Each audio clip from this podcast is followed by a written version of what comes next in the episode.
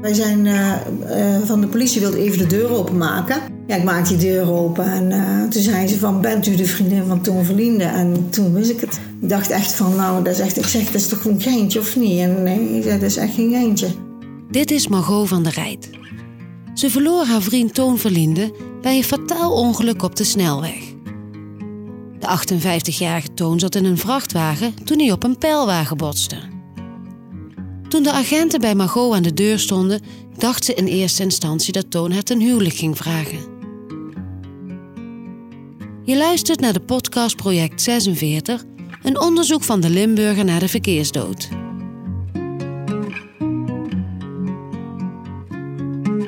In deze aflevering Toon Verlinde uit Boksmeer.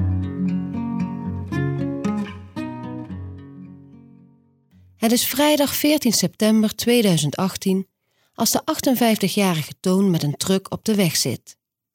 Er is een chauffeur ziek en Toons vriend heeft dringend iemand nodig om een lading af te leveren in Elslo. Het wordt een latertje, dat is duidelijk. Toon moet die avond vanuit Venray twee keer op en neer naar het zuiden. Maar dat is geen enkel probleem. Voor vrienden doet hij alles. Het is inmiddels na twaalfen en Toon gaat later dan verwacht thuiskomen. Hij belt zijn vriendin, Margot. Hij belde mij om kwart voor één. Ik ben al op terug naar huis. En dan geeft hij even aan van, nou god, ik ben, eh, ik ben gewoon nu wel later. De twee wonen nog niet samen, maar dat is slechts een kwestie van tijd. Nu Toons kinderen de deur uit zijn, voelt hij zich vrij om naar Helmond te verhuizen. Maar nu, na een lange werkdag, wil hij eerst naar huis. Als de twee hebben opgehangen, weet Margot dat de rit goed is gegaan. Ze gaat alvast slapen. Nog een uurtje en dan zal hij naast haar in bed kruipen. Maar terwijl Margot de ogen sluit, gaat het mis op de A73 in Limburg. In de buurt van Zwalmen, bij hectometerpaal 26 om precies te zijn, verliest Toon de macht over het stuur. Hij botst vol op een pijlwagen die het verkeer bij werkzaamheden naar de andere rijbaan verwijst. Toon wordt gelanceerd in de cabine. Met zijn middenrif is hij op de stuur geklapt en met zijn hoofd tegen de ruit. Zijn aorta scheurt. Toon is op slag dood.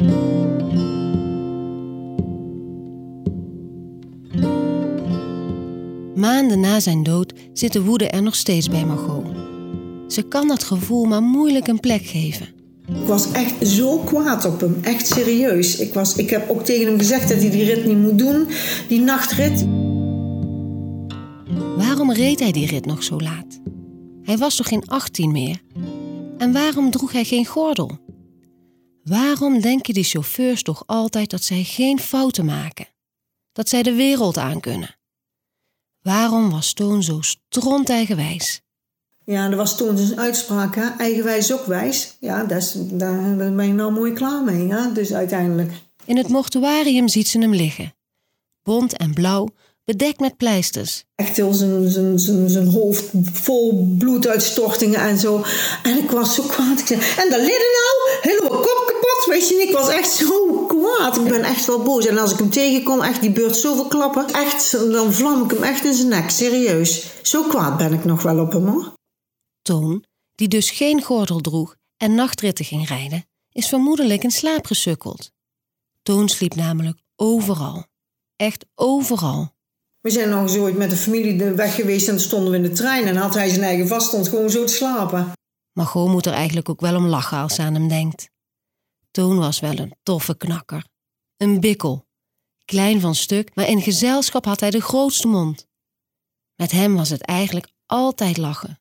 Zoals die keer op een eerste date, toen Margot nog in Lieshout woonde. En toen uh, kwam hij bij mij en uh, we zaten gezellig samen achter op balkon en de hele koektrommel leeggevreten. Zie jij? Hij zat met de buurt net te doen, hè? Ja, Toontje. In het begin moest ze wel wennen aan zijn aanwezigheid, aan de lawaai-papegaai die hij was.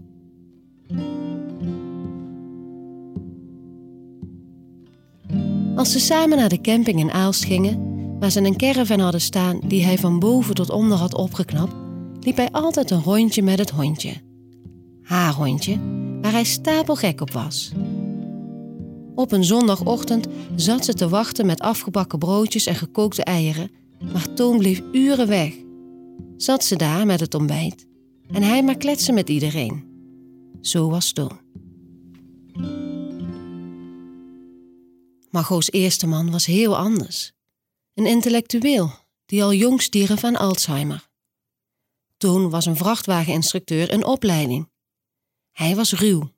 En toen was echt zo'n rouwdouwer, hè? zo van, uh, oh, dat doe ik wel eens even, kom maar eens even hier, weet je niet. En dat was echt heel anders. Met hem reed ze motor, ging ze met de boot varen en maakten ze wilde plannen. Samen wilden ze nog Route 66 in Amerika rijden en gaan reizen met een camper. Nu ook Toons kinderen uit zijn eerdere relatie groot waren, draaide het leven vooral om hun tweetjes. Hij had een enorme impact op haar leven door zijn intense aanwezigheid. Toon deed echt alles voor Margot. Het was echt simpel. Hij deed alles voor mij. Van, ach meisje, doe maar dit, doe maar dan. Denk, ach, een goede vent krijg ik nooit meer. Als ze een krasje op haar auto had, liep hij meteen met de boenwas naar buiten. En zei Margot dat ze van de vliezotrap af wilde, dan maakte Toon er een vaste trap van. Dan zaagde hij het beton uit het plafond en sjouwde Toon, de handige handyman, steen voor steen de trap af. En hij werd met een dag kleiner. Echt van het sjouwen van dat beton. Ik zeg, jongen, laat toch gewoon hier een container neerzetten. Ik zeg, je hoeft toch niet met dat beton. Oh, ik een beetje. Het was echt Chipke de Sjouwerman, noemde ik hem altijd. Naast Chipke de Sjouwerman had je Toon de grapjas. Een lolbroek die hield van Hollandse muziek, zoals alle vrachtwagenchauffeurs dat toch doen. Even heeft Margot gedacht dat hij een grap maakte die vrijdagnacht. Toon had namelijk altijd gezegd dat hij Margot op een hele leuke manier ten huwelijk zou vragen. Was dit die keer? Ik hoorde allemaal een belletje, een kwart voor twee, en, uh, en nog wat dringender uh, gebeld. Denk, nou, dan ga ik toch maar naar beneden. En toen keek ik door dat ruitje en toen zeggen wij zijn van de politie, wil even de deur openmaken. En ik denk bij mezelf van, nou, Weet je, hij had mensen ingehuurd, dat is gewoon een geintje of zo. Dus eh, Tony doet zijn stunt en die staat daar op het hoekje en die gaat mij vragen. Maar wat een van de mooiste momenten uit Margot's leven moest worden, verandert in een nachtmerrie. Ja, ik maak die deur open en uh, toen zei ze van, bent u de vriendin van Toon Verlinde? En toen wist ik het. Toen voelde ik het al, uh, al gebeuren.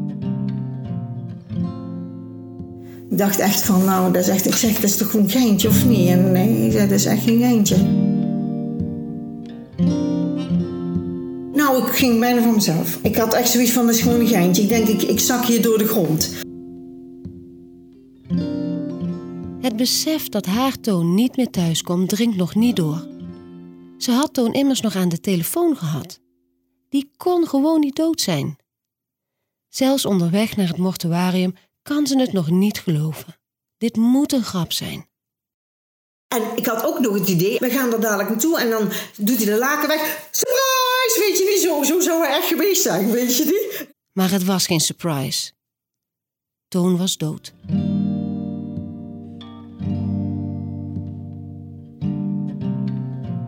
De eerste uren na het nieuws zijn uren van paniek, van ongeloof, van onbegrip.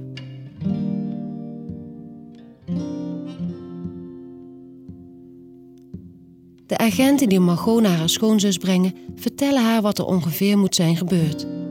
Maar Margot is dan helemaal van het padje af. Slapen gaat niet meer in de weken daarna. En van de huisarts krijgt ze medicijnen.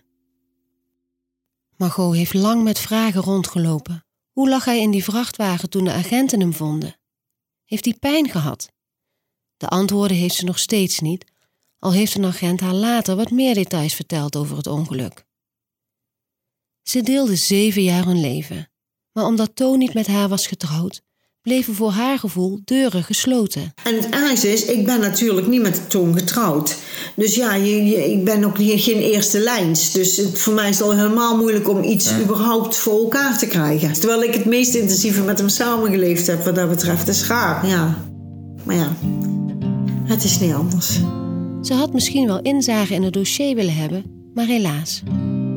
Het zou volgens Margot ook goed zijn als nabestaanden, ook al zijn ze niet getrouwd, later nog eens kunnen napraten met de politie. Gewoon om alle vragen die er nog steeds leven te kunnen stellen.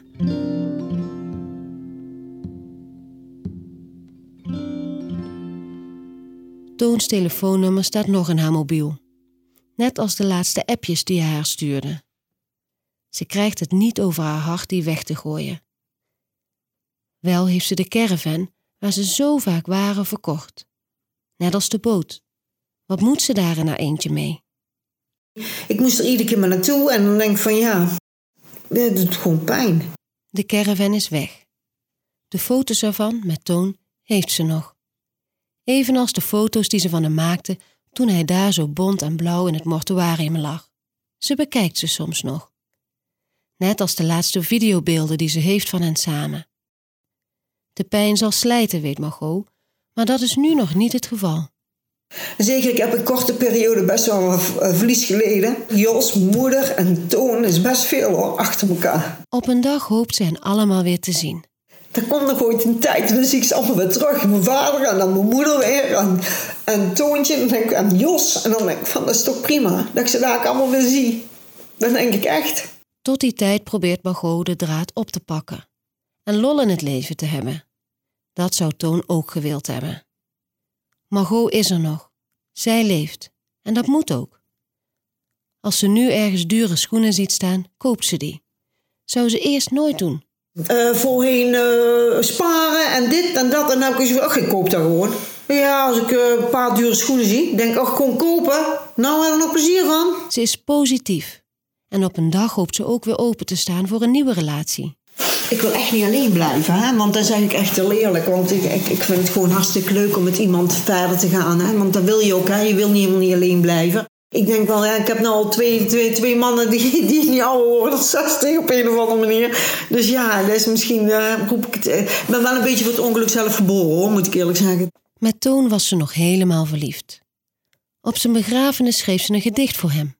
Over het hondje, het motorrijden en hoe ze nog lang met Toon in haar gedachten zou blijven. Of, zoals Margot het zelf zei... Toontje, jij was het grote kleine kind in mij. Maar weet, ik ben nog lang niet Toontje vrij.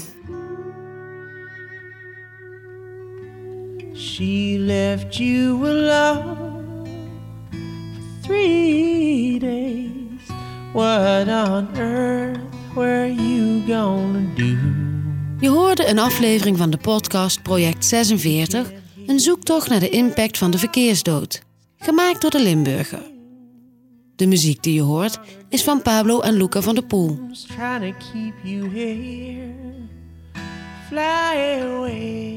In de volgende aflevering het verhaal over John Camp uit Venlo. Na een bezoek aan de kapper gaat hij terug omdat hij nog moet betalen. Met zijn scootmobiel. Onderweg botst hij tegen een passerende caravan en valt. Zijn zoon kon nauwelijks geloven dat die klap fataal zou zijn. Zo'n ernstig ongeval, nee, dat verwacht je niet. Dat, uh, nee. Ook omdat die snelheden toch relatief laag zijn, dan denk je ja. Wil je niets missen? Abonneer je dan op deze podcast. En als je ons project waardeert, mag je natuurlijk altijd een review achterlaten. Dat helpt anderen deze podcast ook te vinden. Wil je alvast vooruit luisteren? Alle afleveringen vind je gratis op delimburger.nl slash project 46. Three days here on earth more than enough to know this is not what you want. Now without her, go tell her, let the storm take you there.